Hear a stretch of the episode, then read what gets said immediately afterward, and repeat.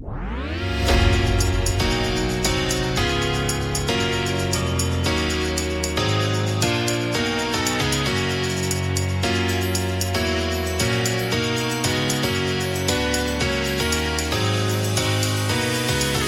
ni välkomna till denna VM-special av podden eh, med mig Johan Flink men ingen eh, Robin Nilsson och vi har ju inte heller Andreas Stockenberg. Eh, han har väl eh, fullt upp med annat. Men istället en eh, kär gammal gäst i, i det här sammanhanget. Eh, per Johansson såklart. Som eh, rätt ofta kör eh, den här typen av poddar, i varje fall hos oss, inför mästerskapen. Eh, hur är läget Per? Jo, men jag tycker att det var skönt att man fick en andra chans efter att man var petad sist i OS, eh, OS-podden. Så att det var ändå skönt att komma in i värmen igen. Så att, eh, eh nej, men det är bra. Det känns bra. Det ska bli kul. Petad och petad. Det, det, du, du, du valde lite större forumet eh, Discovery. Jag gjorde ju det. Jag kanske ja. inte var så där jättegenomtänkt av mig innan då när jag bokade upp mig på två. Men, men nu tror jag nog att det ska vara grönt ljus att köra den här podden tror jag. Det hoppas man ju. Ja, ja, att det inte kliver in någon pump på, eh, på Discovery. Nej, ehm, man hoppas ju det. Var är du i Sverige va? Ja, jag är i Sverige. Vi, ehm, vi har ett lite längre uppehåll nu. Det var första delen av säsongen är färdig. Och så splittras ju mitt gäng där. Men jag har inte så, där, jag har inte så jättemånga landslagsspelare den här gången. Jag har åtta stycken så att jag har ganska många hemma. Så att, eh, fick de två veckor här så åker jag tillbaka till Ryssland och kör två veckor med dem. Och eh, sen så hinner jag i alla fall fira julafton hemma så, så drar det igång sen igen. Vi spelar cupen redan den 28 december då, som är ett märkligt datum. Men de bryr sig inte så mycket om den protestantiska julen där borta kan man ju säga. I och med att de inte firar den. Så att, eh, eh ungefär så ser det ut. Mm. Det är skönt att vara hemma ändå gissar jag, även om du säkert trivs i Rostov Don. Så. Ja, det är skönt. Det har ju varit otroligt intensivt nu i och med att det har varit så komprimerat. Programmet efter OS har vi spelat i stort sett. Vi har inte haft en full träningsvecka på sen i mitten av augusti så att uh, vi spelar ju tre matcher i veckan. Och, uh, så att det har varit väldigt, väldigt intensivt. Vi har väl bränt av en 20 matcher redan tror jag. Så att, uh, Mm, nej, det var nog skönt för alla att få lite andrum från varandra tror jag. Alltså blir det någon vardag egentligen eh, där borta för dig? Jag tänker liksom så när du är där är det oerhört intensivt och, och, och sen har du ju då lite semester och då åker du hem till Sverige och, och så. Känner man någonstans att, ah, att det är en vardag, att det är en bas, att du har din bas i Ryssland och eller hur, Ja, det, det, har jag ju utan tvekan. Sen, sen eh, ska man väl definiera vad en vardag är. Men våran vardag är ju att det ser ut så, så, så som det gör nu. Att vi tillbringar otroligt mycket tid tillsammans. Och vi spelar mycket matcher och vi reser ju också väldigt mycket. Så att, alltså basen kan ju lika gärna vara på ett hotellrum i Astrakhan eller i eh, Zagreb eller var vi nu är någonstans i Esbjerg. Det gäller ju liksom att känna sig hemma där man lägger sin hatt på något sätt. Ehm, så att, eh, ja, vardagen är ju, den ser ut så. Så det är väl det som är vardagen. Ja, ja, ja. ja. Eh, ett flängande fram och tillbaks och hit och dit. Men det är ju också, det är väl också skärmen med att alltid ha en, minst en stor match varje vecka. Det är klart att det är ju privilegierat att få vara i en sån situation att alltid ha mycket press på sig och, och alltid att det byggs upp till en ny match och så. Men det blir ju nu spelar vi ofta söndag, söndag, onsdag, lördag kanske. Och då är det ju direkt på det till nästa match och direkt på det. Så det är väl kanske träningen, träningen som, som får stå lite till eh, sidan då när det är så mycket matcher. Det, det är svårt att få kontinuitet i träningen i och med att vi har så mycket resdagar också. Så att, eh, eh men så, så, så är det ju. Så det, det är ju en härlig värld på något sätt. Mm.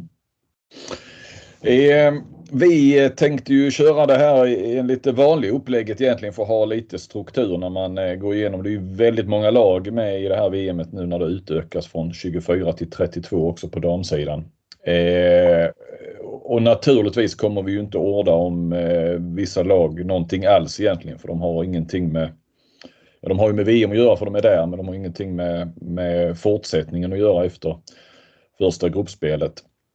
Så eh, ni kommer känna igen upplägget men vi kommer att gå igenom det eh, inte så noga med alla lag som man gjorde för en del år sedan när det var 16 lag i ett EM. Då kunde man grotta ner sig i alla och alla lag var väl egentligen eh, kandidater till att, till att kunna gå vidare.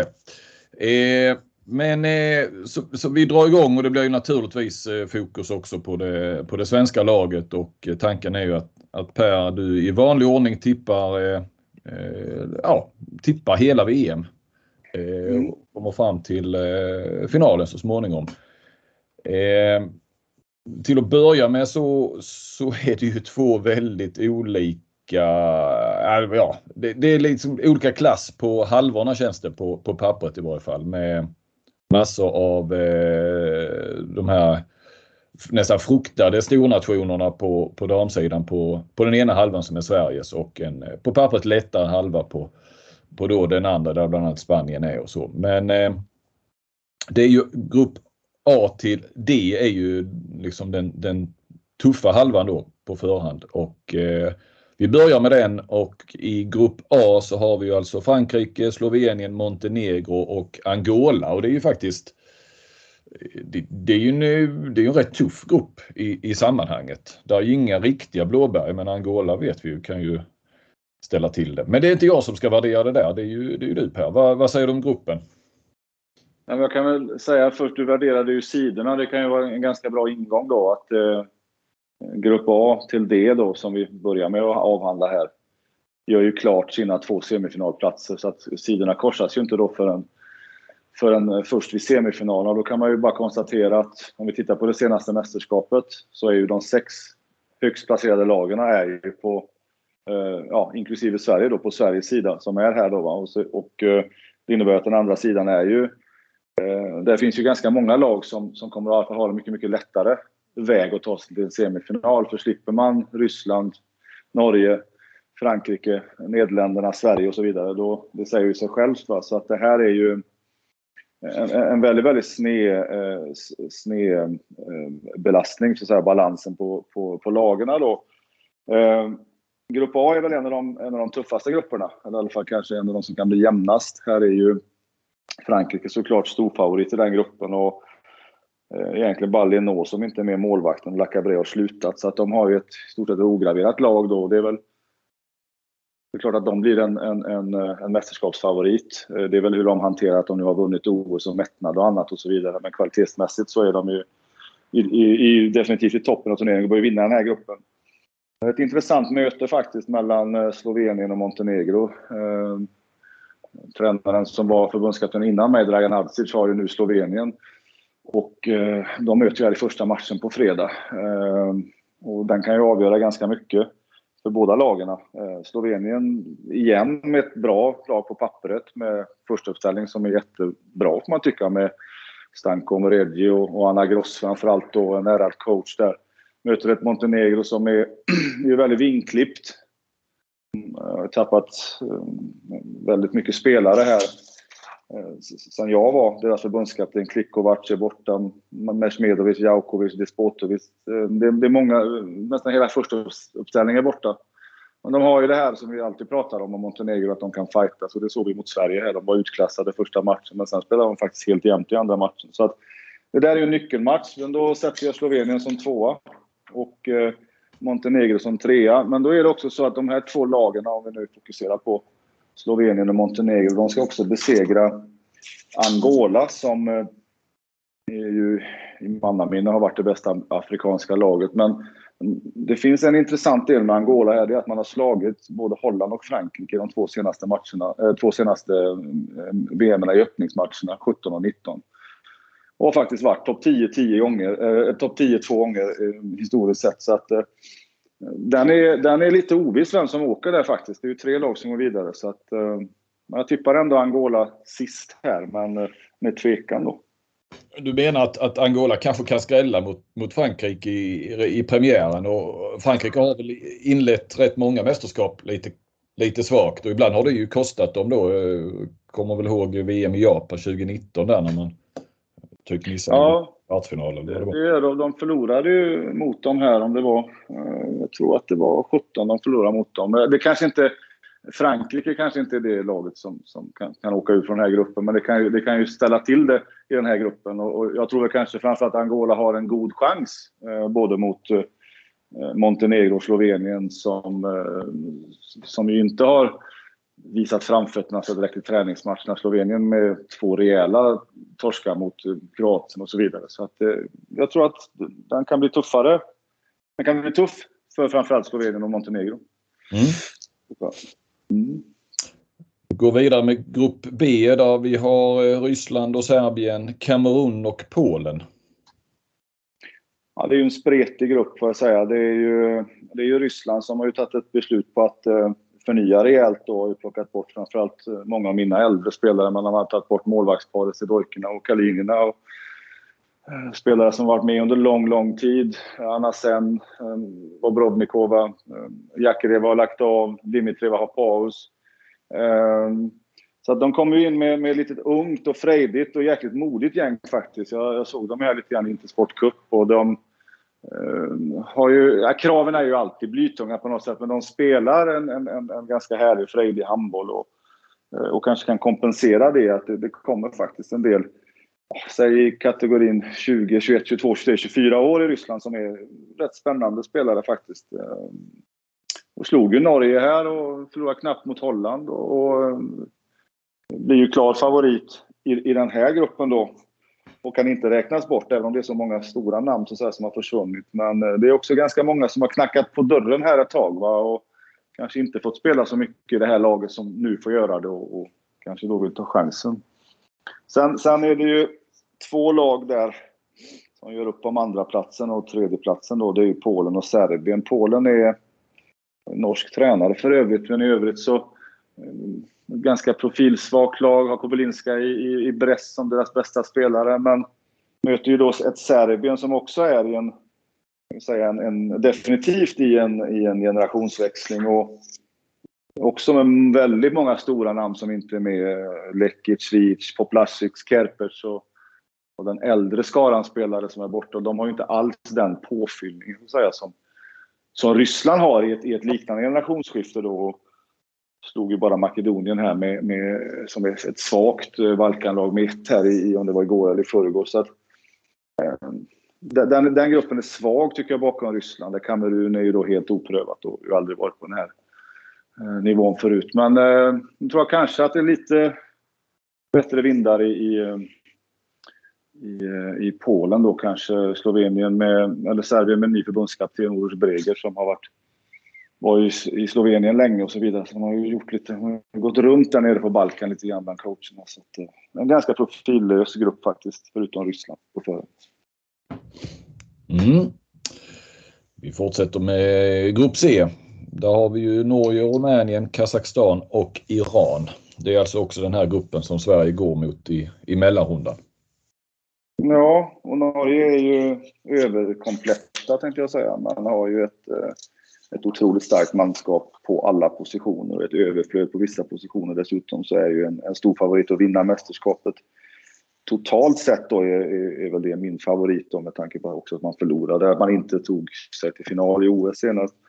Eh, Rumänien blir ju svagare och svagare på något sätt. Eh, tappar ju Niago då, eh, en av världens bästa spelare genom tiden, och tagit någon form av paus väldigt få utlandsproffs, väldigt få profiler egentligen. Har väl tre spelare som sticker ut i Kristina Laszlo, Pintea och, och Basalio. Men eh, också genomgår en, en, någon form av förändringsprocess där det inte där inte påfyllningar, påfyllningen finns där alls egentligen på det sättet. Så att, eh, det är klart att de kommer att hantera den här gruppen för att man, man har ju också Kazakstan och Iran där så det, det är ju givet att Norge vinner och Rumänien tvåa. Eh, och Kazakstan som i och för sig brukar vara med, Iran har nog aldrig varit med, så det är väl Kazakstan trea då och Iran som, som åker ur då, men, men en, en, en väldigt svag, jättesvag grupp. Eh, den svagaste på Sveriges sida om vi säger, säger så. Då. Eh, ja, och då är vi framme vid, vid Sveriges grupp D med, med Sverige, Nederländerna, Puerto Rico och Uzbekistan. Eh, den är alltså inte svagare än, än den norska gruppen. Jag tänker att du går väl då på så att Nej, säga, det är det inte. lag 1 och 2 då, eller lag 2? Ja, ja lag 1 och 2. Men jag, jag tror att om vi tittar då för Sveriges del då så, så, så, tror jag att den här matchen mot Nederländerna kommer att bli avgörande. Den mm. kommer att bli avgörande för om man kan ta sig till en kvartsfinal eller inte. För att um, skulle man då förlora mot Nederländerna säger vi, va, då måste man ju på något sätt slå Norge för att det finns inga andra lag i den andra gruppen som jag tror kan hota exempelvis Nederländerna. Då. Det går jag lite vidare här då, men i en, i en main round då som Sverige går ihop med Norges grupp så, så är det ju Norge, Sverige, Nederländerna som det handlar om. Jag tror inte att något annat lag där kan sno några poäng eller göra någonting. Utan då, då måste Sverige kanske slå Norge. Och det, det, det, tror jag blir en för tuff uppgift för Sverige. Så att, däremot skulle man ta Norge, eller skulle man ta Nederländerna här, eh, då, då, då ligger ju vägen väldigt öppen för en kvartsfinal. Då, då, då, då ser jag det som nästan... Eller jag säger att det blir väldigt svårt. Jag säger att Sverige har en väldigt stor chans att ta sig till, eh, till en kvartsfinal. Så att eh, där är mötet med Nederländerna förmodligen direkt avgörande för, för båda lagen. En, en åttondelsfinal kan man se det som nästan. Ja, men det kan man väl göra. Sen är det ju Uzbekistan och Puerto Rico. Det, det är ju lag som kanske ja, håller svensk division 2-standard på damsidan eller kanske botten av division 1. Eh, så att det, det, här är ju lag som, som, som är ja, det kan ju vara allt från 20 till 40 mål kan ju Sverige och Nederländerna vara bättre än de är beroende på vad, hur intresserade man är att trycka fullt i de här matcherna. Så att det är ju två lag som inte ens i närheten av någonting vad gäller eh, en, en, eh, någon form av, av liksom chans för att ta poäng då så att säga. Och sen vet jag faktiskt inte Uzbekistan eller Puerto Rico men jag, jag, Uzbekistan är ju ändå lite ryskt eh, sovjetiskt inspirerat på den hållet så att jag ser dem som trea då för Puerto Rico åker ut då. Men sen tippar jag Sverige. Jag, jag tror att Sverige vinner. Så att jag tror att de vinner, att de vinner gruppen. Mm. Så, så tror jag. Eh, du sa botten av eh, division 1. Eh, menar du SOE då eller allsvenskan? Nej, nej, division 1 är ju, nej, fel att egentligen säga. Vi, vi räknar ju väldigt konstigt i Sverige. Men division 1 i Sverige är ju division 3 då, i och med att man har SOE, allsvenskan 1 och 2 då. Så att säga att ja. eh, Uzbekistan hade nog haft det tufft i, och Puerto Rico hade nog haft det tufft i division 3 i Sverige. Mm, det, det är väl lättare. Tittarna då, ja, i tredje ligan uppifrån tror jag att de hade haft väldigt svårt att hävda sig. Det tror jag. Det säger ju en del om, om eh, klassen på det. Ja. Eh, va, va, eh, vi kan ju ta det här. Vi, det är ju fler svaga nationer. Alltså, vi ska veta Uzbekistan blev alltså, jag tror de blev femma i mm. asiatiska mästerskapen som var, eh, ja, blev ju som ett kval till VM då också. De fick ju till exempel storstryk, verkligen storstryk av Sydkorea som Sverige sin tur utklassade i OS till exempel. Så att Eh, va, och nu utökas ju. Vi har ju tidigare sett, eh, även när det var 24 lag, väldigt stora eh, segrar. Eh, ja, det finns alltid några i, i, i varje världsmästerskap nästan. Va, vad tänker du kring att utvidgas till, eh, till 32 lag? Är, är, är dam-VM moget för det? Uh, nej, det är du definitivt inte. Men jag vill faktiskt säga så här att de senaste mästerskapen när vi haft 24 lag så tycker jag att det, det har blivit mindre och mindre av de här fantasisiffrorna då. Va? För att på, på 24 lag så har vi lag som eh, Argentina, eh, Tunisien som är där sist någonstans då. Va? Men här, här har man ju adderat, adderat till, det är i alla fall minst sex lag för mycket. Eh, om vi säger att vi, för att, för att slippa de här fantasisiffrorna. Och det är just Uzbekistan, Puerto Rico, Iran, Kamerun, tyvärr är ju även Kina oerhört svagt faktiskt, även med, med, med så stor folkmängd som de har. Men uh, det, det, är sex lag för mycket. Jag, jag, tycker att man växte in i den kostymen med 24 lag på ett ganska bra sätt på damsidan. Men man, men man är definitivt inte så att säga, redo för 32. Det som har varit kanske positivt då för VM det är att det kommer väl i alla fall ett eller två ytterligare europeiska lag då med. Mm. Uh, men nej, lång, långt ifrån mogna för, för, för, för, här kommer vi att se liksom, ja alltså, vad har vi här, Norge, Iran liksom. Alltså det, det, ja. det, det, det blir nog som, som det var när Australien var med tyvärr då. Va? Det var ju trevligt och gulligt att de var med men vi slog väl dem med 66-21 någon gång liksom. Och det, här finns ju risken att det kan i alla fall bli ett tiotal sådana matcher totalt sett då mot de här lagen då. Ehm, så nej, det tycker jag inte damsidan är mogen för. Eh, och svenska tittarna där, nu, nu kommer man liksom skriva nu drar VM igång och så vidare och så, så eh, bänkar sig folk på, på fredag och söndag och, och ser eh, då Sverige kör över Uzbekistan och Puerto Rico. Kan det, kan det, kan det skada handbollen? Blir det lite löjets över det? Alltså skada handbollen. Vi som är inne i det fattar ju eh, och så och tycker i och för sig inte heller att det är kul att se sådana matcher. Men, men för de här eh, som inte är lika insatta som ändå, det, det är ändå några hundratusen till svenskar som, som, som eh, intresserar sig för handboll när det är, när det är mästerskap. Eh, vad säger du? Ja, det, nej, nej, men det är klart att det finns en risk för det. Att vi, det här är ju, vi, vi spekulerar bara på att, att det kommer att bli så här och det kommer ju det förmodligen att bli. Sen, sen bänkar man sig väl också med någon form av Sverigehatt och tycker det är roligt att se Sverige och, och börja följa de här profilerna. Man får ju förmodligen se hela Sverige i de här två matcherna. Va? Att han kommer att kunna byta runt och man kanske får en, en god känsla av det och titta på Sverige. Eh, sen om det skadar handboll, det kan jag inte svara på. Men, men, men, när vi är nere på exempelvis femte, sjätte lag, jag tror till och med att Asien har sex lag med. Va? Det, det, det, det är tufft då. Va? Ehm, eh, att nå någon form av, av, kvalitet där det kanske tar stopp efter lag tre då i respektive kon kontinent. Då, va? Så att det, eh, Ehm, jag, tycker, jag, jag, tycker man sprider handbollen på ett positivt sätt ändå i världen har 24 lag. Ehm, jag tycker inte liksom det finns en anledning att addera till 32 till, eller, eller, eller, eller, sex, eller åtta lag till. Då. För det, det, det, det är redan en, en, en, ganska härlig spridning och det finns ett par färgklickar här bland lagen som vi har lärt känna lite de senaste åren som Angola och som eh, Argentina som ju kan ja, spela en ganska eh, härlig handboll. Vad vi har Japan och Sydkorea gillar man ju när de med sin speltid. Så det, det finns ju ändå det här liksom inslaget från alla världsdelar redan. Och, eh, eh, mm. Jag tror inte det finns något behov, för det får inte bli en devalvering. Nu, alltså som europeiskt lag exempelvis nu till VM så är det, det är nästan omöjligt att missa. Ja. Alltså, vi är ju nere på lag som Österrike och Slovakien som är med här. Liksom. Det, är ju också ett europeiskt perspektiv att bakom de lagen som har tagit sig hit till VM så de har ju aldrig varit närheten av kvalificerat till VM. Så det är också det är väldigt lätt som europeiskt lag att ta sig dit. Mm. Uh, också. Det är liksom ingen kamp om de platserna längre. Då går vi vidare med den andra halvan och så återkommer vi till eh, lite mer Sverigefokus eh, när det blir dags för mellanrundan och eh, lite, lite, tuffare kanske.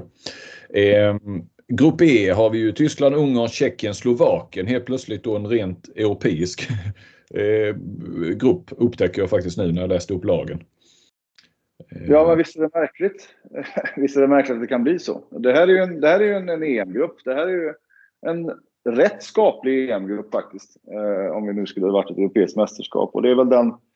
Eh, ja, den är ju, den är ju mer jämn såklart. Och där, där har väl jag en, ett lag där som jag tror ganska hårt på under det här VMet. Och det kommer vi att och ge sig längre fram då när vi kommer lite längre fram. Men det är ju Tyskland. Jag tycker att Tyskland har ett eh, bra balanserat lag, bra struktur och framförallt en hel del spelare i fin form då. I, i Bölk och Stolle som gör det jättebra i Ferencvaros. Man har eh, skytteligavinnaren Grisels i, i, i Dortmund och Dortmund har ett par spelare till där som har gjort det jättebra eh, under den här första delen av Champions League och sen Bietenheim som missade Champions League men också har Eh, Xenia Smits tillbaka och så vidare. Bra måla Eckel har varit jättebra i, i Esbjerg här under, stängde ju fullständigt när vi mötte dem borta här med, med, med Rostov. Och, och ett fint lag. Eh, och det, jag tror att det är ett lag som ju faktiskt nu har de chansen att, att ta sig en bra bit på väg. Och då tror jag att man vinner den gruppen före Ungern som vi ju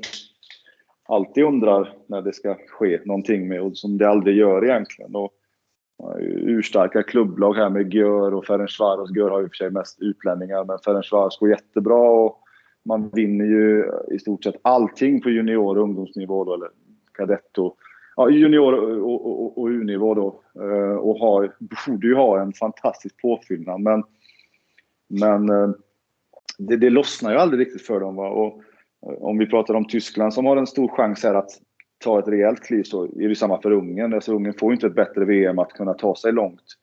Men eh, jag tror de flippar igen. Men jag tror däremot att de kommer tvåa i den här gruppen.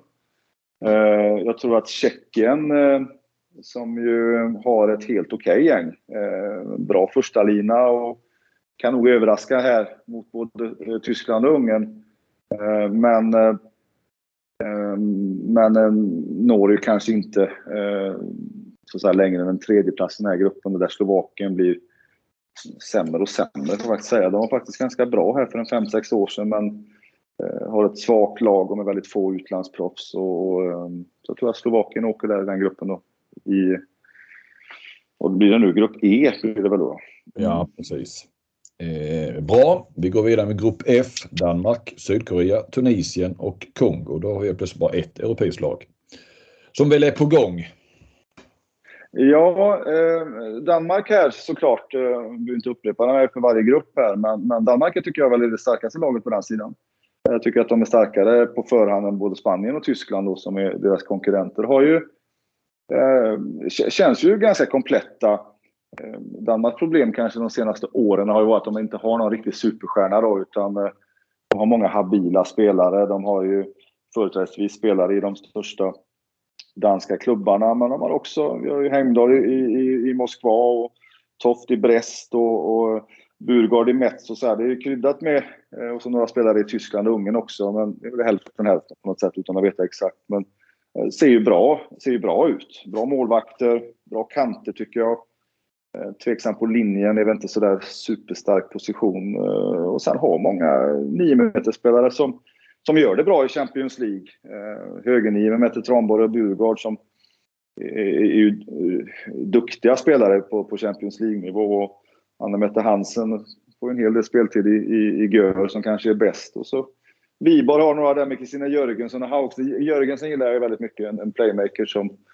Eh, eller, nu är vänsternia, mittnia. Det är nog vänsternia det här gänget, men, men jag gillar jag jättemycket. Så att, eh, äh, de har ju allting på plats egentligen. Och jag tror att de var en duktig coach också, Jesper Jensen. Han är, det, han är, han är tuff att möta också, det märker man liksom när vi möter Jesper. Han har koll på grejerna och sådär och väldigt tydlig med vad han vill och så. så att, eh, Danmark kan ju gå långt i det här mästerskapet och vinner ju såklart den här gruppen som är väldigt svag. Och Korea, om man tittar bara då på de eh, resultaten i Intersport Cup här så var de väldigt svaga och fick stryk med 15-20 mål i alla de tre matcherna. I och för sig mot kvalificerat motstånd men Korea ska ju ändå vara där med en 5-6 målsförlust mot de här lagen, men det såg ju väldigt eh, flickaktigt ut om jag vill säga så. Alltså, det, det såg inte ut någonting. Ehm, Utmanas ju av Tunisien då som eh, hade väl här för en 7-8 år sedan någonting på gång med Mona Shebab bland annat. Det var länge sedan hon slutade. Men, um, spelat jämnt mot Angola i Afrikanska mästerskapen här sist och uh, kan definitivt slå Korea. Så att det blir väl en uh, en kamp om, för de två att komma två eller tre i den här gruppen. Sen tror jag att Kongo eh, blir det laget som åker ur. Då. Vi behöver inte nämna så mycket mer om dem. Eh, så, så ser väl den gruppen ut. Vi ska väl nämna att, Danmark då för ett år sedan på sitt hemmamästerskap gick man ju till semifinal. Eh, var det bara man förlorade bronsmatchen? Var det så? Ja, förlorade mot Kroatien i, i bronsmatchen. Och man slog ut, eh, man slog ut Ryssland bland annat i en fantastiskt bra match. Och sen mm. förlorade man ju då både semi och eh, fick storstryk i bronsmatchen mot Kroatien då som var ju det mästerskapets absolut största överraskning. Men, men där, de kom, mm. sig i, i, i, VM där innan eh, ett år tidigare så de var ju inte med i OS. Eh, eh, annars hade de nog, ja det återstår ju att se men, men känslan var ju efter EM där att, att, att Danmark borde varit med i OS. Att de är så pass bra nu så att, men nu får de ju bevisa det. Ja, det, det, kanske man kan tycka men de har ju inte tagit medalj på en herrans massa år höll jag på att säga. De har ju med en så stark liga och ändå så stor selektion av spelare som man får fram så har de ju inte gjort några resultat överhuvudtaget. Det, det enda de har gjort egentligen är ju det här på hemmaplan nu senast. Så att eh, det kan jag inte säga. Det tycker jag för sig inte att de, var, de skulle varit i OS. Det tycker jag inte. För, och då får man ju göra någon form av resultat på vägen också. Men nu så har de ju sin chans. Ja. Vi går vidare på Grupp G med Kroatien, Japan, Brasilien och Paraguay. Uh, ja, eh, Brasilien då. Uh, har tappat en, sin stora ledare här, Amorim. Eh, Eduardo Amorim som jag har i mitt klubblag Rostov här som är ju en, en otrolig ledare och, och ett otroligt, en av världens bästa spelare genom tiderna och, och i särklass den bästa sydamerikanska spelaren. Hon har ju valt att tacka för sig efter OS. och var ganska naturlig och, eh, avgång så efter OS. Men jag tyckte de gjorde det bra, Brasilien, eh, i, eh, i OS. De var ju en tuff grupp. Eh, de gjorde rätt, rätt mycket fina matcher där och hade med lite mer, kanske lite flyt kunnat gått vidare. Så jag, jag sätter dem före Kroatien här, så jag sätter dem som etta. Mm. Sen var jag inne lite grann på att uh, jag vet att du också frågar det, vem som kan bli besviken. Så jag är väl inne på att Kroatien kan bli den här besvikelsen då. Men de har gjort det bra här i träningsmatcherna, ser ganska stabila ut och eh, får ju ihop eh, en produkt, om man säger så. Får ihop en, en prestation utifrån vad man har för manskap tycker jag på ett väldigt bra lag. Man vill ju alltid sen maximera det man har i sin trupp och de spelare man har. Och, så. och det är klart att under, under EM så fick de ju Alltså det var ju, det var ju deras livsveckor. Va? Uh, och um, återigen, den här sidan kan, det kan räcka långt bara genom att vara på den här sidan. Och man har i stort sett samma lag, kanske lite bättre lag till och med på pappret än vad man hade sist. Och, uh, men har dem som tvåa. Mm. Uh, de utmanas ju starkt av Japan.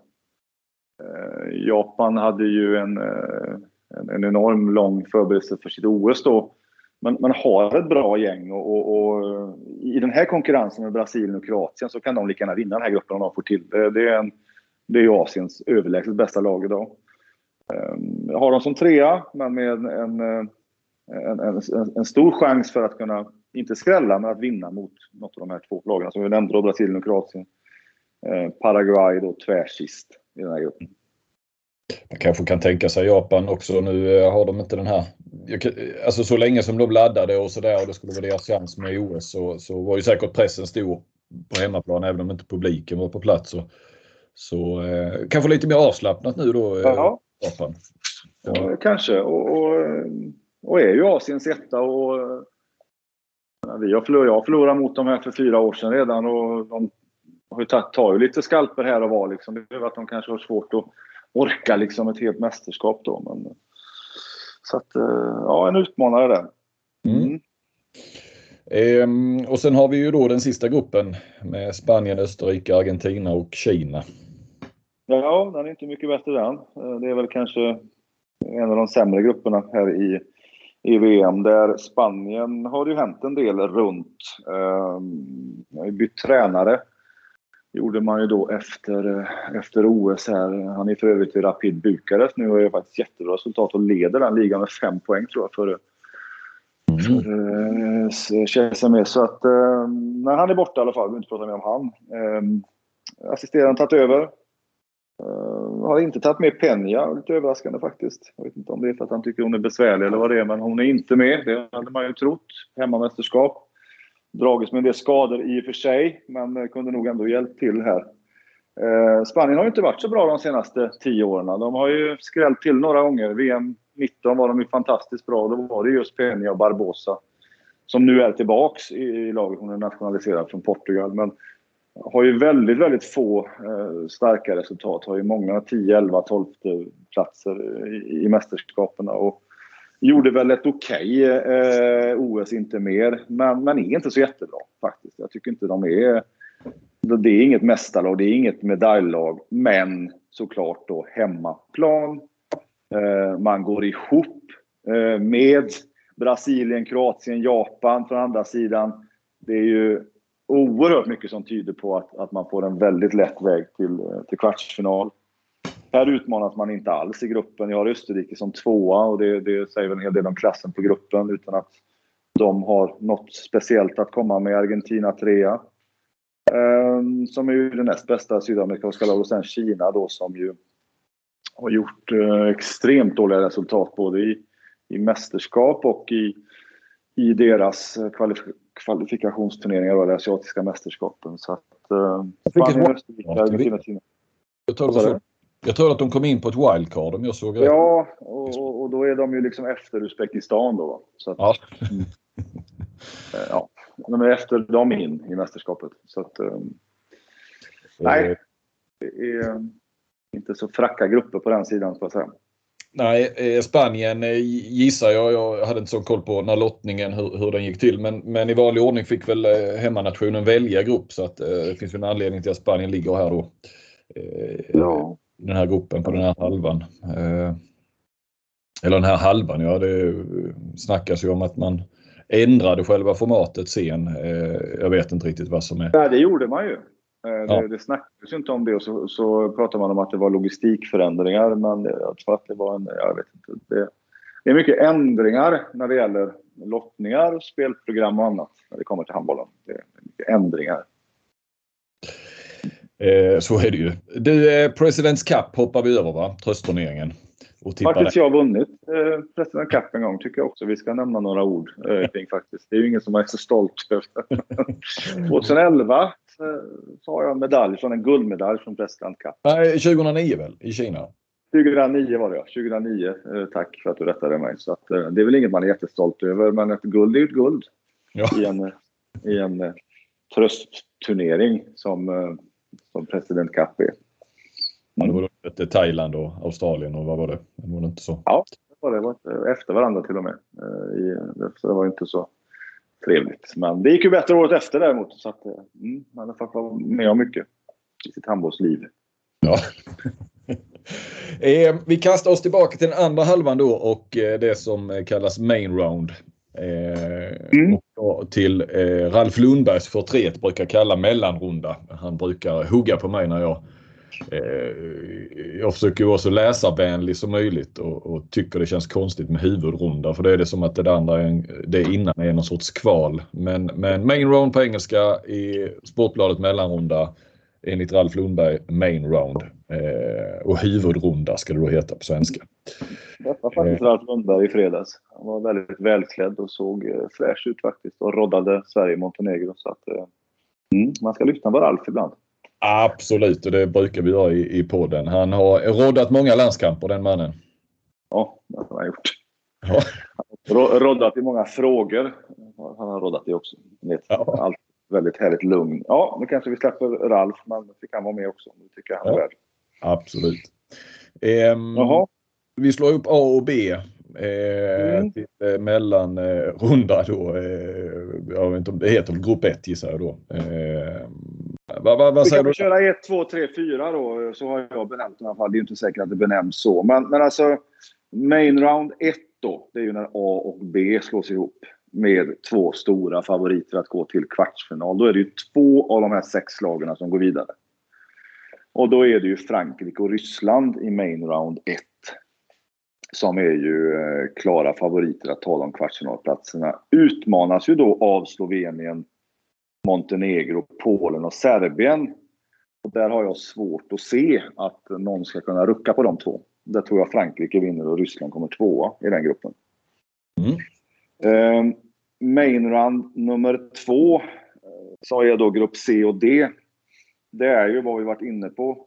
Norge, Sverige och Nederländerna som gör upp om de två platserna och där Norge nog går rent skulle jag tro hela vägen. Det vill jag inte tro, men det tror jag att de gör. Och att eh, Sverige och Nederländerna kanske att det avgörs redan i gruppspelet då på grund av att jag tror att Rumänien, Kazakstan och Uzbekistan inte är så att säga tre lag som snor några poäng någonstans. Det tror jag inte. Nej. Så då är det Norge etta, Sverige två. Mm. Ska vi ta Sverige nu? Eller ska vi avvakta? Jag tror vi avvaktar. Jag tror att det går till den här main round 3 då som vi kallar det. Eller mm. som jag kallar det. Det är ju alltså grupperna E och F som går ihop då. Och mm. där har vi ju två lag som eh, jag tror kan gå långt och det är Danmark och Tyskland. Och de utmanas ju då främst av Ungern i den gruppen. Där finns nog förmodligen också då Tjeckien, Korea och Tunisien. Men det är väl Ungern som skulle kunna slå sig in bland de två. Men då är mitt tips Danmark 1, Tyskland 2. Det är lite äh, samma läge om jag får bryta in Per. Eh, mm. Känns det ju som där att, att Tyskland, Ungern i, i, i mm. gruppspelet där innan är ju lite mm. Det mötet är ju lite som eh, Sverige-Holland. För där, ja, det är det. Där finns det ju verkligen tre lag i den main round som, som, kan, som kan gå vidare till kvartsfinal. Eh, mm. Precis säger, så att, ja, jag ville bara ha med det. Och så vill jag ja, säga. Det, det, det tycker jag. Sen, sen, finns det ju inte ett sånt där superstarkt Norge i den gruppen då, så det, det, det kan ju faktiskt de andra lagen, typ här Tjeckien, skulle ju kunna liksom sno någon poäng av eh, av Danmark exempelvis. Då, Så att, men det, det är liknande läge. Eh, en vinst för Tyskland mot Ungern i sin gruppmatch gör ju att de skapar ett, ett väldigt fint utgångsläge. Det, det gör de ju. Mm. Um, sista main run, grupp 4 då, det är ju EFG. Det är G och H som går ihop och där finns det ju ingen konkurrens alls, vill jag på säga. Uh, Spanien och Brasilien tippar jag då. Och där har vi ju också ett liknande läge. Som du var inne på Johan, det är ju att Brasilien möter ju Kroatien i gruppen och jag tror väl kanske att vinnaren i den matchen där skapar sig också ett väldigt fint utgångsläge för att ta sig till kvartsfinal. Och där är det ju där är det Japan som kan ställa till det för de här tre lagarna då som vi har före dem då. Om vi har Spanien etta, Brasilien tvåa, Kroatien trea. Där är, där är Japan som kan, eh, som kan sno lite poäng här och var. Så att, eh, som kan röra runt i den gruppen lite då. Eh, Österrike Argentina tror jag inte kommer att ha så mycket poängchans just när det drar ihop sig till main round, main round matcher. Nej, precis. Ehm, mm. Då är vi framme vid kvartsfinaler. Ehm, och eh, kastar oss tillbaka till Sveriges eh, halva då. Ja, då blir det ju Frankrike-Sverige i mm. kvartsfinal. Och eh, mm. med tanke på att Sverige aldrig slår Frankrike så gör man väl det förmodligen inte nu heller. Utan jag tror att man får respass mot Frankrike. Jag hoppas ju kanske att man lärt, har lärt sig under de här 10-12 åren som man inte har vunnit eh, en massa av de matcherna var jag förbundskapten, så jag ska inte säga något annat om det. Men man har ju en, en statistik som är ju mördande emot då.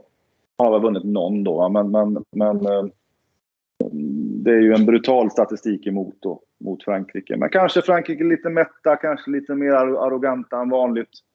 Eh, kanske att det skimrar lite för mycket guld från OS, så att man är så-så. Det kan ju finnas ett sånt moment där.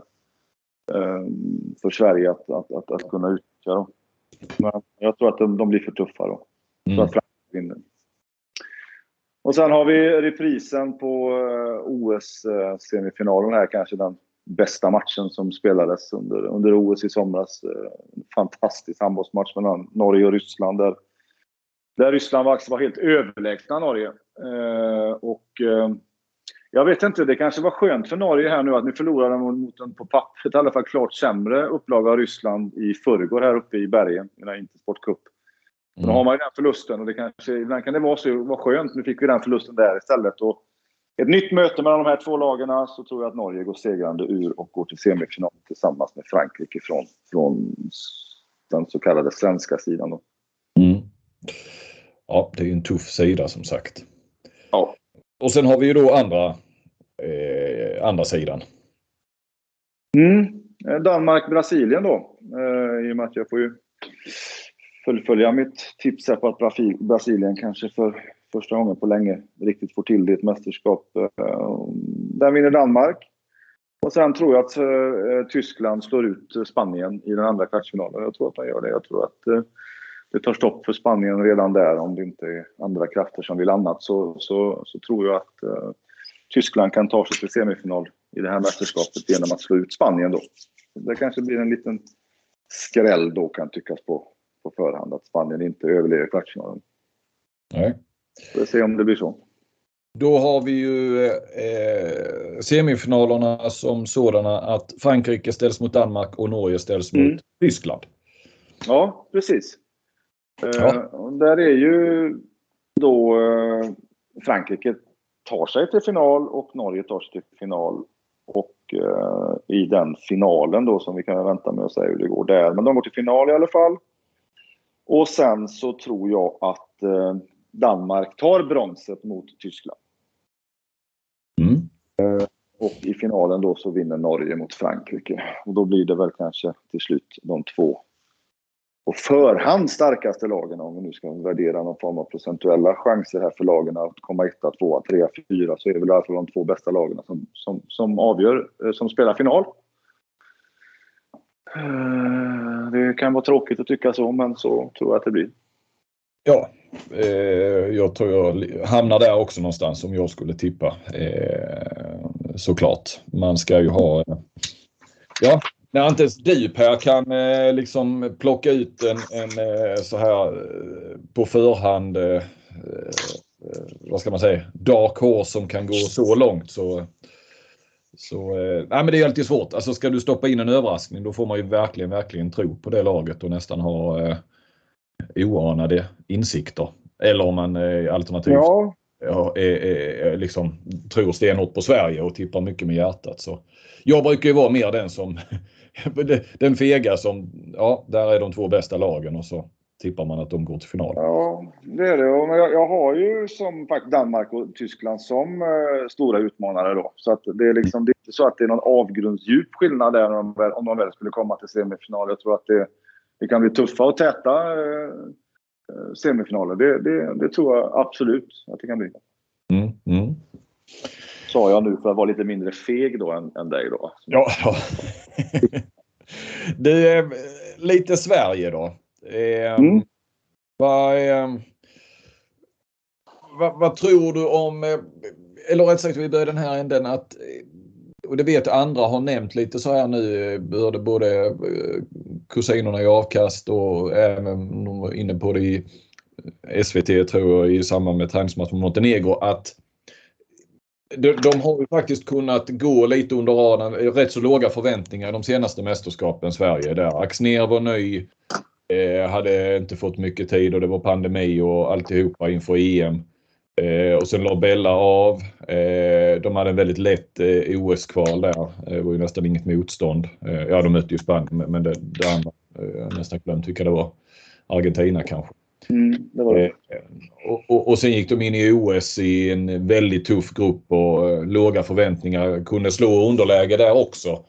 Eh, eller där kunde de verkligen slå underläge. Och, och, och, så då den här succén som, som eh, kanske mattades lite grann de sista två matcherna. Men, men ändå, de gick ut semifinal och blev fyra. Eh, och, ja, och svårt också. Var, eh, nu är jag inne på flera ämnen här, men var står Sverige ja någonstans? Eh, och Montenegro, hur ska man värdera det? Och, och sen det här upplägget som är i VM med Uzbekistan, Puerto Rico och sen pang så har vi liksom en typ av åttondelsfinal. Ja, jag vill höra din, dina tankar kring det. Allt detta. Ja, jag kan börja eh, alltså, titta i ett, i ett perspektiv då.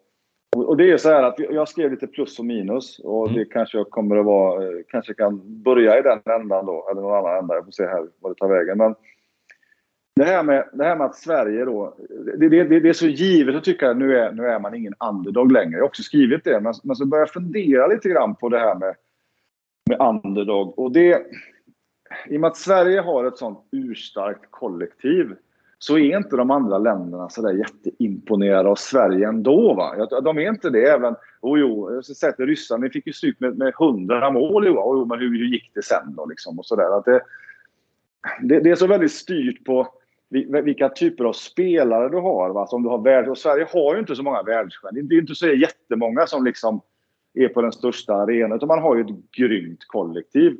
Och jag tror, jag ändrar mig lite grann där. Jag, tror faktiskt ändå att man kan spela lite på den här underdogs-känslan. För att man, man, man, får inte den respekten ändå, trots att man kom då fyra. Eh, utan jo, men det tog ju slut till slut. De kom ju fyra bara och vem vill vara fyra och så vidare. Och så, för man hör ju mycket, man pratar mycket med ja, sådär så är man inte sådär jätterädda för Sverige ändå. Man är superrespekt för Jamina Roberts som jag har tagit ett kliv som jag inte trodde var möjligt. Väldigt hög respekt och man har hög respekt för eh, Anna Lagerqvist och Lindblom. Och det, det, är för att de spelar på den nivån där de här spelarna som de till slut kommer att möta är.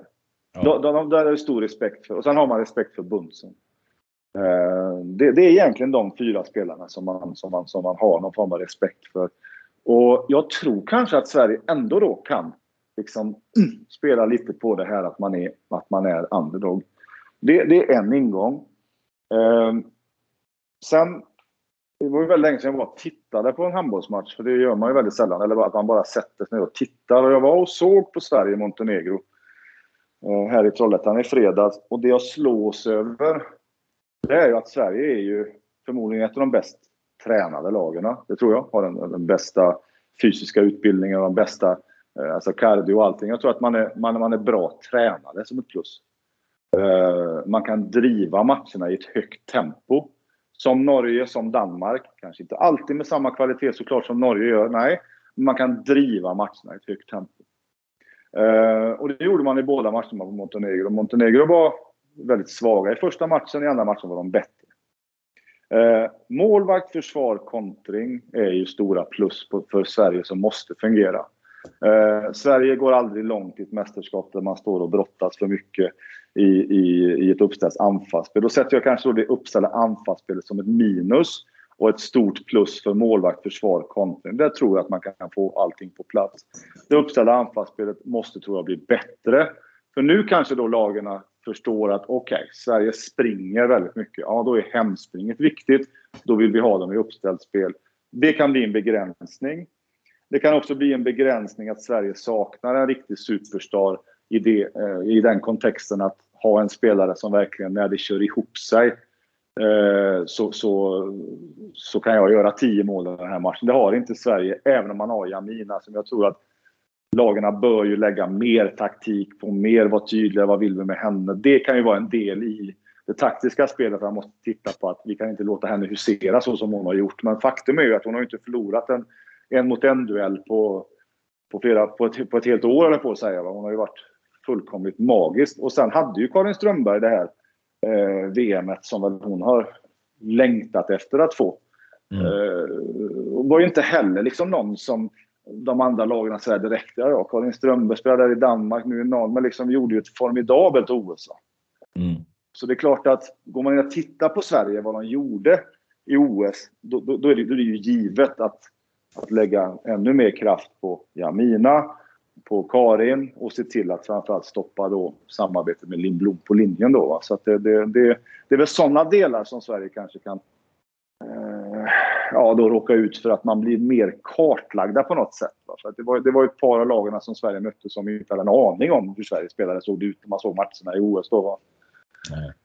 Eh, och det tror jag kanske nu med, med den erfarenheten mot Sverige Eh, för jag tror däremot att coacherna har, har liksom respekt för Sverige nu. Men det är ju det att du ska få ut det bland spelarna också, att de ska ta det på allvar då. Att, att Sverige är ett, ett riktigt bra handbollslag. Ehm, det var väl eh, eh ja, en del om mycket då, men... men eh, Nej, men jag, gillade, jag gillade farten, och entusiasmen och drivet att springa och sådär. Och, och, strukturen i det. Det, det, det. det, tyckte jag om när jag tittade på Sverige här Eh, i de här två matcherna som var. Även i andra matchen då var man klart, då var man klart sämre, eh, framförallt i uppställt anfall. Men man har kontringen som ett, ett starkt vapen. Det, det, det tycker jag man har. På, på, tal om det med att driva ett högt tempo och kontringar och så vidare så är det ju eh, om man jämför med och Sverige är eh, bra tränare, det har de ju själva pratat om också. Så i OS så var det eh, 14 spelare. Här mm. är det alltså 18 spelare där eh, du får, du får plocka din matchtrupp på 16 spelare. Alltså det är ju, mm. Redan där är man ju två mer än i OS. Och du får plocka mm. från, från 18 eh, spelare. Plus att du kan göra mm. byten sen, men det, du flyger ju inte ner folk sådär om det inte är skador gissar jag. Sådär. Men eh, talar det, nu, ja, nu lägger jag kanske, ja du kommer höra vad jag tror på min fråga. Eh, att att det, det kanske gynnar eh, att det inte gynnar Sverige så mycket. Att du kan gå runt på, på fler spelare. Det är ju andra trupper som har bredare trupper än, än vad Sverige har. Eh, att det kanske hade större utslag i, när man var 14 spelare, att man var väldigt vältränade. Eh, du har också här eh, skrattmatcher för nästan alla lagen där du, där du verkligen kan vila spelare utan problem. Det, det fanns det knappt i, i OS för, för något lag. Mm. Mm. Eh, nej, det, nej, det fanns det ju inte. Eller är det... Ja, alltså, ja, det är väl en tes som är... Man kan ju säga så här att Frankrike och Norge kan ju ingen jämföra sig med, med, med hur det ser ut på bänkarna där. Det, det är klart att det, de två lagen är ju, mm. är ju, har ju ett ofantligt mycket bredare manskap än vad Sverige har. Eh, men eh, Ryssland och Holland tycker jag inte har det exempelvis. Om vi nu ska göra en jämförelse med de lagen som... Eh, det kan ju faktiskt till och med bli... Eller till och med, det kan ju, det kan bli Ryssland i en, en kvartsfinal. Det behöver ju inte bli Frankrike. Eh, och man har Holland här då va, som... Eh, Men, men egentligen för, för Sveriges del mot Holland spelar ju inte truppstorleken överhuvudtaget någon roll när man kommer in i den matchen. Det är väl sen när man kommer fram i en kvartsfinal. Mm. Uh, som, som det kan ju det, ge då ett, ett, ett, starkt utslag. För att det är ju inte så att mest spelare vinner. Liksom. Mest spelare man kan gå runt med vinner. Det är klart att Sveriges spelare från nummer 14 till 18 är, är, det är klart att de är sämre än vad, än vad exempelvis Norges och, och, och Frankrike är. Eller sämre, men de har, ja, har en sämre kvalitet helt enkelt. Så att, eh, det är ju ändå ganska givet vilka som måste driva det här med Sverige här. Sverige har ju inte sådär jättemånga niometersspelare. Det är ju Amina, Karin, det är Emma Lindqvist. Man hoppas ju på Dano då som ska bli det här lyftet för Sverige med, med, med en vänsterhänt. Man vet att Jenny Karlsson kan komma in i stunder och spela. Jag tror att Melissa kommer in, Petrén kommer in i stunder och spelar. Så att det, just på nio meter så ser det ju ganska givet ut ändå vilka som ska driva det så. Va? Det, det, det, det tycker jag att det gör. Eh, vem i det svenska laget, om du skulle ge något tips till tittarna, eh, får sitt genombrott eller tar nästa stora kliv kanske snarare? Ja, men jag tror för, alltså, tror för lagets del så är det ju den enda som kan göra det för att Sverige ska kunna få någon form av förändring eller breddning i sitt anfallsspel så är det ju Nina Dano. Mm. Det, det, är ju den, det är den enda spelaren som kan förändra någonting utifrån hur det har sett ut tidigare då. Nu har han ju varit ganska sparsam med att spela med vänsterhänt högernia och det har han väl varit med all rätt då för han tycker väl inte att det, det vänsterhänta alternativet är tillräckligt bra då men det känns väl ändå som att Nina Dano har, har närmat sig att bli en spelare som kan spela mer än 5-10 minuter i stöten. Att kanske kan bli en spelare som kan spela en 30-40 minuter om det skulle krävas. Så då får ju Sverige eh, lite andra alternativ och då ehm, då behöver man inte heller hamna med nödlösningar hela tiden på högernia. Jag säger inte att Emma Lindqvist är en nödlösning på något sätt. Hon är en jättebra högernia, är hon. Och är väl kanske fortfarande den bästa. Men, men nästa steg efter Emma Lindqvist där blir ju, hur man än vänder och vrider på det, en, en, en nödlösning. Så det blir inget naturligt andra val eh, som, eh, som högerhänt högernia då nummer två i den positionen. Men har man Nina Dano och Emma Lindqvist och det fungerar, då har man ju liksom, då försöker man hitta en struktur mellan de två. Hur det ska se ut. Ja, är det långt byte då, då kanske man inte spelar med Nina eh, sådär. Men om man kort byte kanske man kan spela mer med henne och så vidare. Då, då får ju coachen eh, lite andra verktyg om man säger så. Om du förstår. Mm. Vad jag tänker på. Absolut. Men skulle man... Kan man maximera den positionen bättre ja. än vad man har gjort hittills. Men sen för framtiden, Dano kanske, vi har ju Kopang också som väl av många betraktas som en, en, större talang än Dano. Något år yngre också eller två. Ja det är hon väl, men hon har ju ett steg kvar. Men det, det, det, ser, det är ju mer av ytterligare ett råämne där. Så att, alltså, i, säg Amsterdam är väl inte OS. Paris eh, 2024, då, då kanske det är de två fullt ut. För då är väl Dano 24 kanske, eller hon är född 00 tror jag hon är. Och så Kopang är väl yngre då, då kanske hon är 22. Då kanske vi har det paret där. Det är kanske mm. där det paret är färdigt. Precis. Eh, och då eh, Emma Lindqvist kommer säkert vara med i en trupp. Är man inte lite nyfiken och ändå att, att eh, se Emma Lindqvist eh, som mittnia i landslaget? Jo, det kan man väl vara nyfiken på. ja, men att det är kanske hon som ska det kanske det kan bli. Ta över efter Strömberg sen då. Eh, eller så är Jenny Karlsson. Melissa Petrén har ju haft två motiga mästerskap nu så att eh, mm. eh, jag pratade en del med henne. Jag fick väl inte riktigt med henne på det spåret eh, att, att eller lite grann kanske hon ändå var med på det här att, att eh, framförallt när hon var förra säsongen så hade hon ju eh, alltså i, i vardagen i klubben i Danmark eh, fritt patronbälte i stort sett spela väldigt mycket och sen skulle hon in och liksom bara göra sin grej i 10 minuter i landslaget. Det känns som hon haft lite svårt på den den övergången där att, att bara vara den spelaren. Eh, hon accepterade säkert men, men man vill ju säkert mycket och, och man kommer från att Eh, i klubben var liksom den ledande spelaren som, som alltid spelade. Och så. Ja, jag vet inte, det känns som hon har haft lite för jag, hon gjorde ju en bra mästerskapsdebut 2019 där och det var ju lite så. Det, det bidrar ju jag och andra till eh, medialt kanske att jag eh, ska bli den nya Bella Gullén och då ta över för henne. Och det, så verkar det kanske inte riktigt bli men för nu har just uh, eh, nej, och det var ju en, en, en taskig eh, ingång att ge henne faktiskt. Eh, med tanke på att hon inte är ens i närheten av den spelartypen. Men jag tror så här, jag tror du har rätt i. Att om man kommer från en eh, miljö där man eh, har sina 12 skott per match. Och sen ska man helt plötsligt då förändra sig att inte ha det och också kanske mer värdera. Alltså det är kanske andra som har fler poletter och man måste, måste kanske bli en mer spelande spelare och vänta på lite bättre lägen. För att om man, om man gör de misstagen där så straffas man mer. Det är ju en sak. Sen är hon ju ingen traditionell mittnia på det sättet tycker jag. Alltså hon, eh, jag, tycker inte, jag tycker inte att hon är det på det sättet. Så att om, om vi pratar framtid lite grann i Sverige så, så ser jag inte vem som ska bli kanske Karins arvtagerska. Nu är inte hon så Laskan, hon är född 93 tror jag, så det är klart att hon hänger i några år till. Men, men där kanske, vad finns där i Sverige som skulle kunna bli en, en 19? Det känns också som det blir lite nödlösningar då va? När det mm. var Bella som var där så var det givet att det var Karin som var tvåa. Men nu blir det också... Ja, det, det, det blir inte nat, det blir ingen naturlig spelförare när man byter ut Karin. Och det, det är väl också kanske en, en liten brist då. Men det är klart, är Karin så bra som hon var i OS så spelar det inte så stor roll. Nej.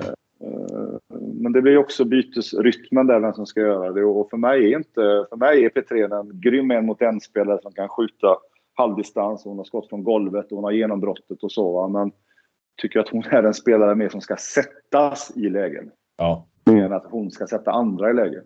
Så, så ser jag på henne, rätt eller fel. Men så, så ser jag henne som spelartyp. Ja, jag tror kanske på Emma Lindqvist eventuellt. Som ja, kan vara så. Kan vara så. Mm. Mm. Det om Sverige Per. Eh, tänkte ta några ord eh, och fråga dig lite grann om eh, de du har som alla har väl som, som kanske favorit även om Frankrike också såklart eh, är ju en finalfavorit. Så har vi ju ändå Norge eh, som såklart ska ha revansch. Där, vi har ju hört nu då gå igenom det är ganska många som eh, landslag som saknar eh, eller där, där, den stora stjärnan har slutat och, och kanske också har gjort sitt eh, på många sätt. Men, men och, och, och, eh, vissa lag går igenom rejäla generationsväxlingar mer eller mindre som, som Ryssland till exempel och Rumänien som trots allt ändå har, har varit med där uppe i, i några år fram till för ett par år sedan. Eh, men i Norge känns det som att det, det, Ja, de har ju, nu har de ju varit där snart i 25-30 år väl i, i toppen mer eller mindre så att de har ju en förmåga att hela tiden. Det blir ju aldrig någon generationsväxling. Det bara flyter på. Men, men det är ju inte någon som tackar för sig i landslaget i, och, och fortsätter spela i klubblaget. Lunde säger hon ska köra två mästerskap till. Inga fler OS men två. Med, och hon är väl 41 eller någonting. Va? Mm. Varför fortsätter man i Norge och vad, vad Ja, kan du säga någonting nej, där? Men, nej, men dels så, så tror jag om man tittar på Norges uh, trupp då så har man ju inga unga spelare i stort sett. Man har ju världens största talang. Uh, om man nu vet det är Henny Reiste, hon är 22. Men sen har du inga Det är den enda unga spelaren som finns tillgänglig. Mm. Eller tillgänglig som är ung. Uh, om man nu kategoriserar som ung. Men klart Camilla Herrem då som ju varit ute och spelat länge. Hon är i Sola nu som är ett okej okay, norskt lag. Men hon fortsätter ändå. Liksom hon är 35 håller fortfarande hög, hög klass. Vi har Katrin Lunde som är ju i sina bästa stunder den bästa. Vi har ju Marit Frafjord som ju var väldigt kritisk att hon inte kom med. Hon har ju gjort massa mästerskap. Men det är klart att man spelar i ett lag som nästan alltid spelar om medaljerna. Som mm. inte alltid vinner, men som alltid... Eh, och det handlar väl om, om, om identiteten att vara en del av det här kanske mest framgångsrika landslaget genom tiderna. Alla kategorier på något sätt eh, jämförbara med de stora dynastierna. Eh, ja, så, det behöver vi inte gå in på, men, men det, det, är ju... Och de är ju också ute i stora klubbar. Och det som har gjort det att de kan hänga kvar tror jag också, det är ju att nu börjar ju de skandinaviska klubbarna också mobilisera lite. Esbjerg, som många spelare är. Eh, vi har ju mött dem i år med, med Rostov, ett, ett, ett, ett lag som definitivt kan gå hela vägen. I år redan. Eh, eh, Vipers vann förra året. Det är två lag. Ehm, så där har du, du behöver inte, alltså du behöver inte så gå...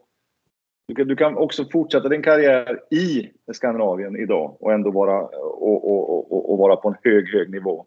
Mm. Ehm, och det ser man ju också på de så att säga, lagen som de här spelarna tillhör. Det, det är ju väldigt, väldigt, väldigt bra lag de, de är i. Men det är inte så många i Östeuropa nu längre. Arnsen i Bukarest, Solberg i Gör, eh, Brattset i Gör. Men sen är det skandinavisk touch på resten då. Så att de har bara egentligen tre eh, utlands proffs utanför Skandinavien då med i den här truppen. Och det tror jag är en anledning också. Att man kan fortsätta i, väldigt bra Champions League-lag eh, ganska nära hem då.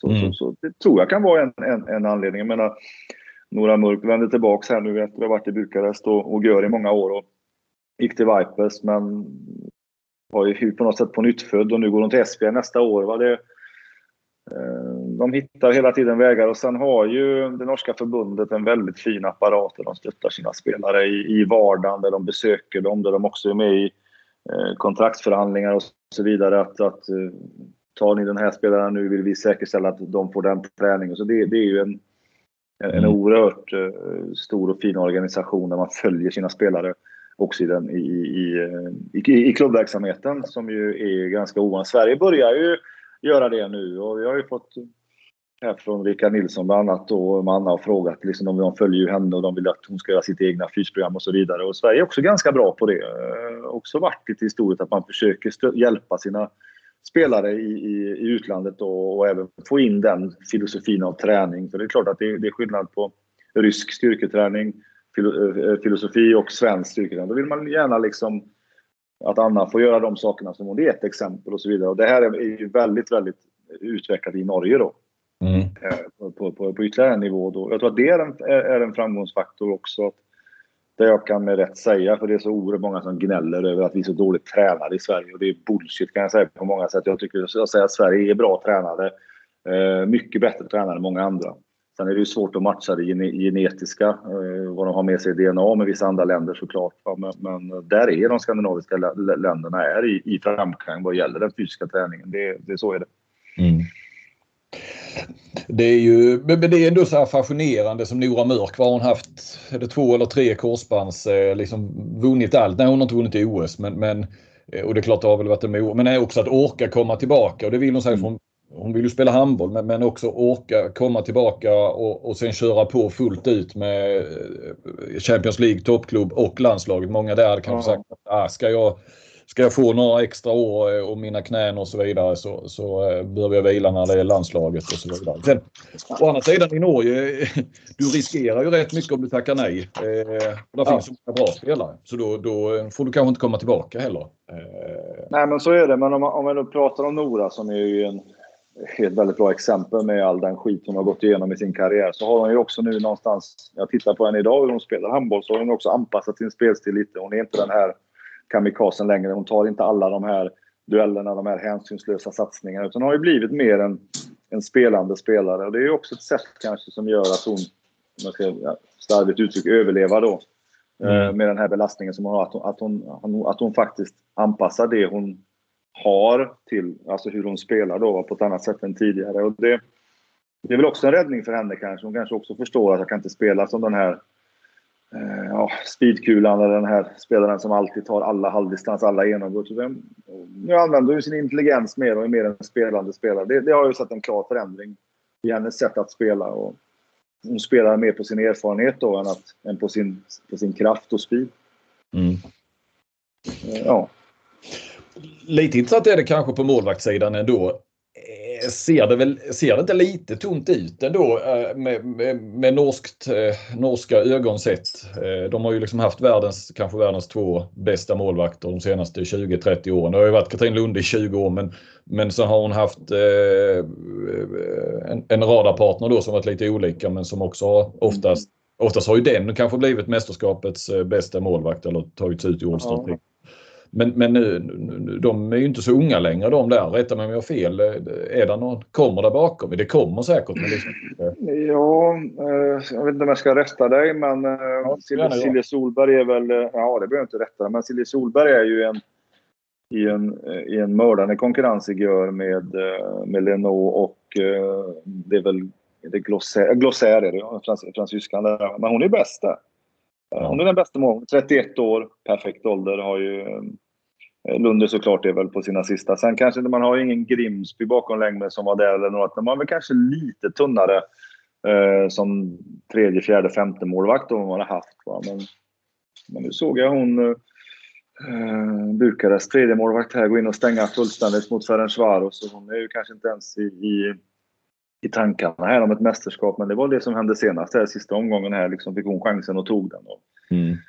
Ehm, jag tror nog att de eh, får Nej. fram målvakter ja. krävs. Ja. Ja, jag tänker mer för framtiden. Nu har de fått, fortsatt bra målvakter såklart. Eh, så jag, jag ser mer att eh, på, på, lite sikt. Men rätt vad det är så står där ju någon då eh, redo ja. som är 25 år och sen har ja. de en, en världsmålvakt i 10 år till då. Mm. Och, och, Solberg kan ju hålla en 5-6 år till ju definitivt. Ju. Det kan man göra. Ja, men eh, då tror jag att vi rundar av och sen eh, herregud det drar ju igång redan eh, imorgon kväll, det är tisdag när vi spelar in. Det är ju tjuvstartar ju med, med Spanien då som hemmanation mot Argentina tror jag det är ja. Och, och, är det på torsdag då? Eller?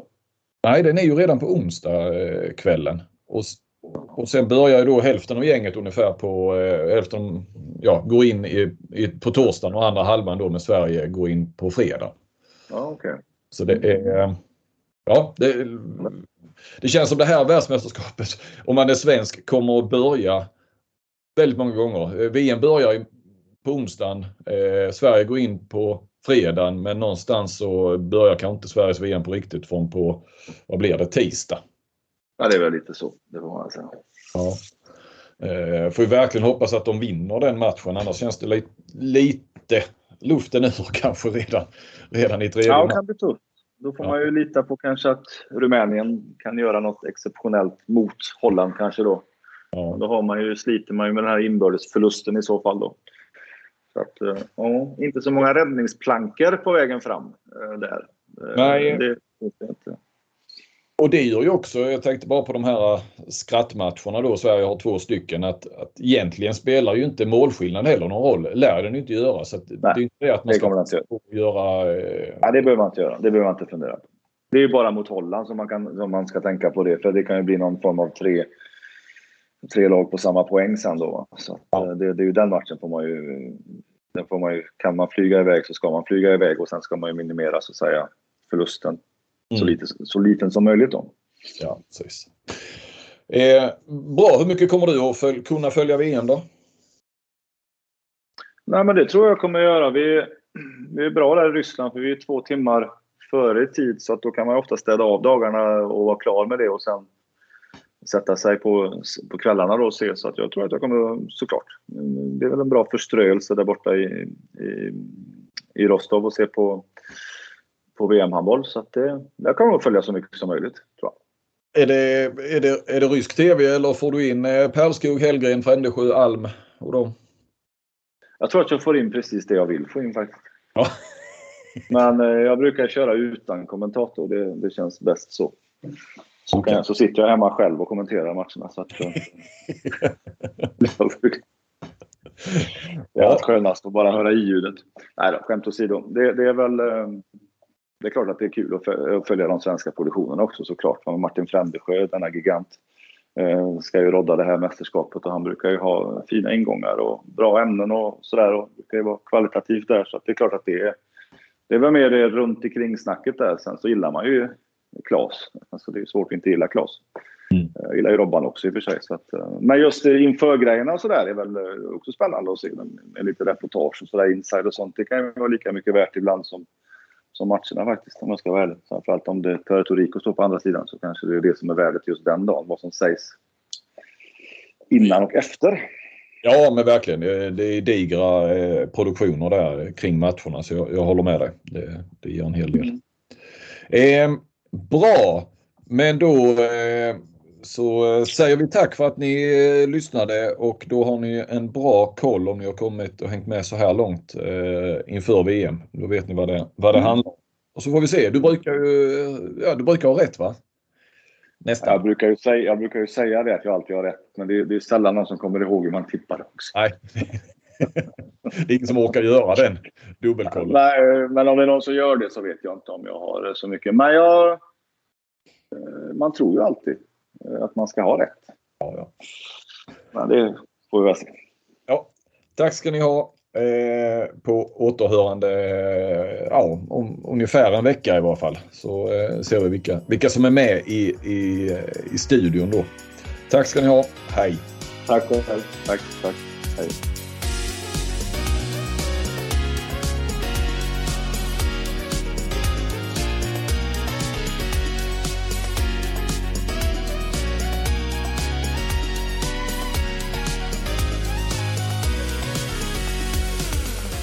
Du har lyssnat på en podcast från Aftonbladet.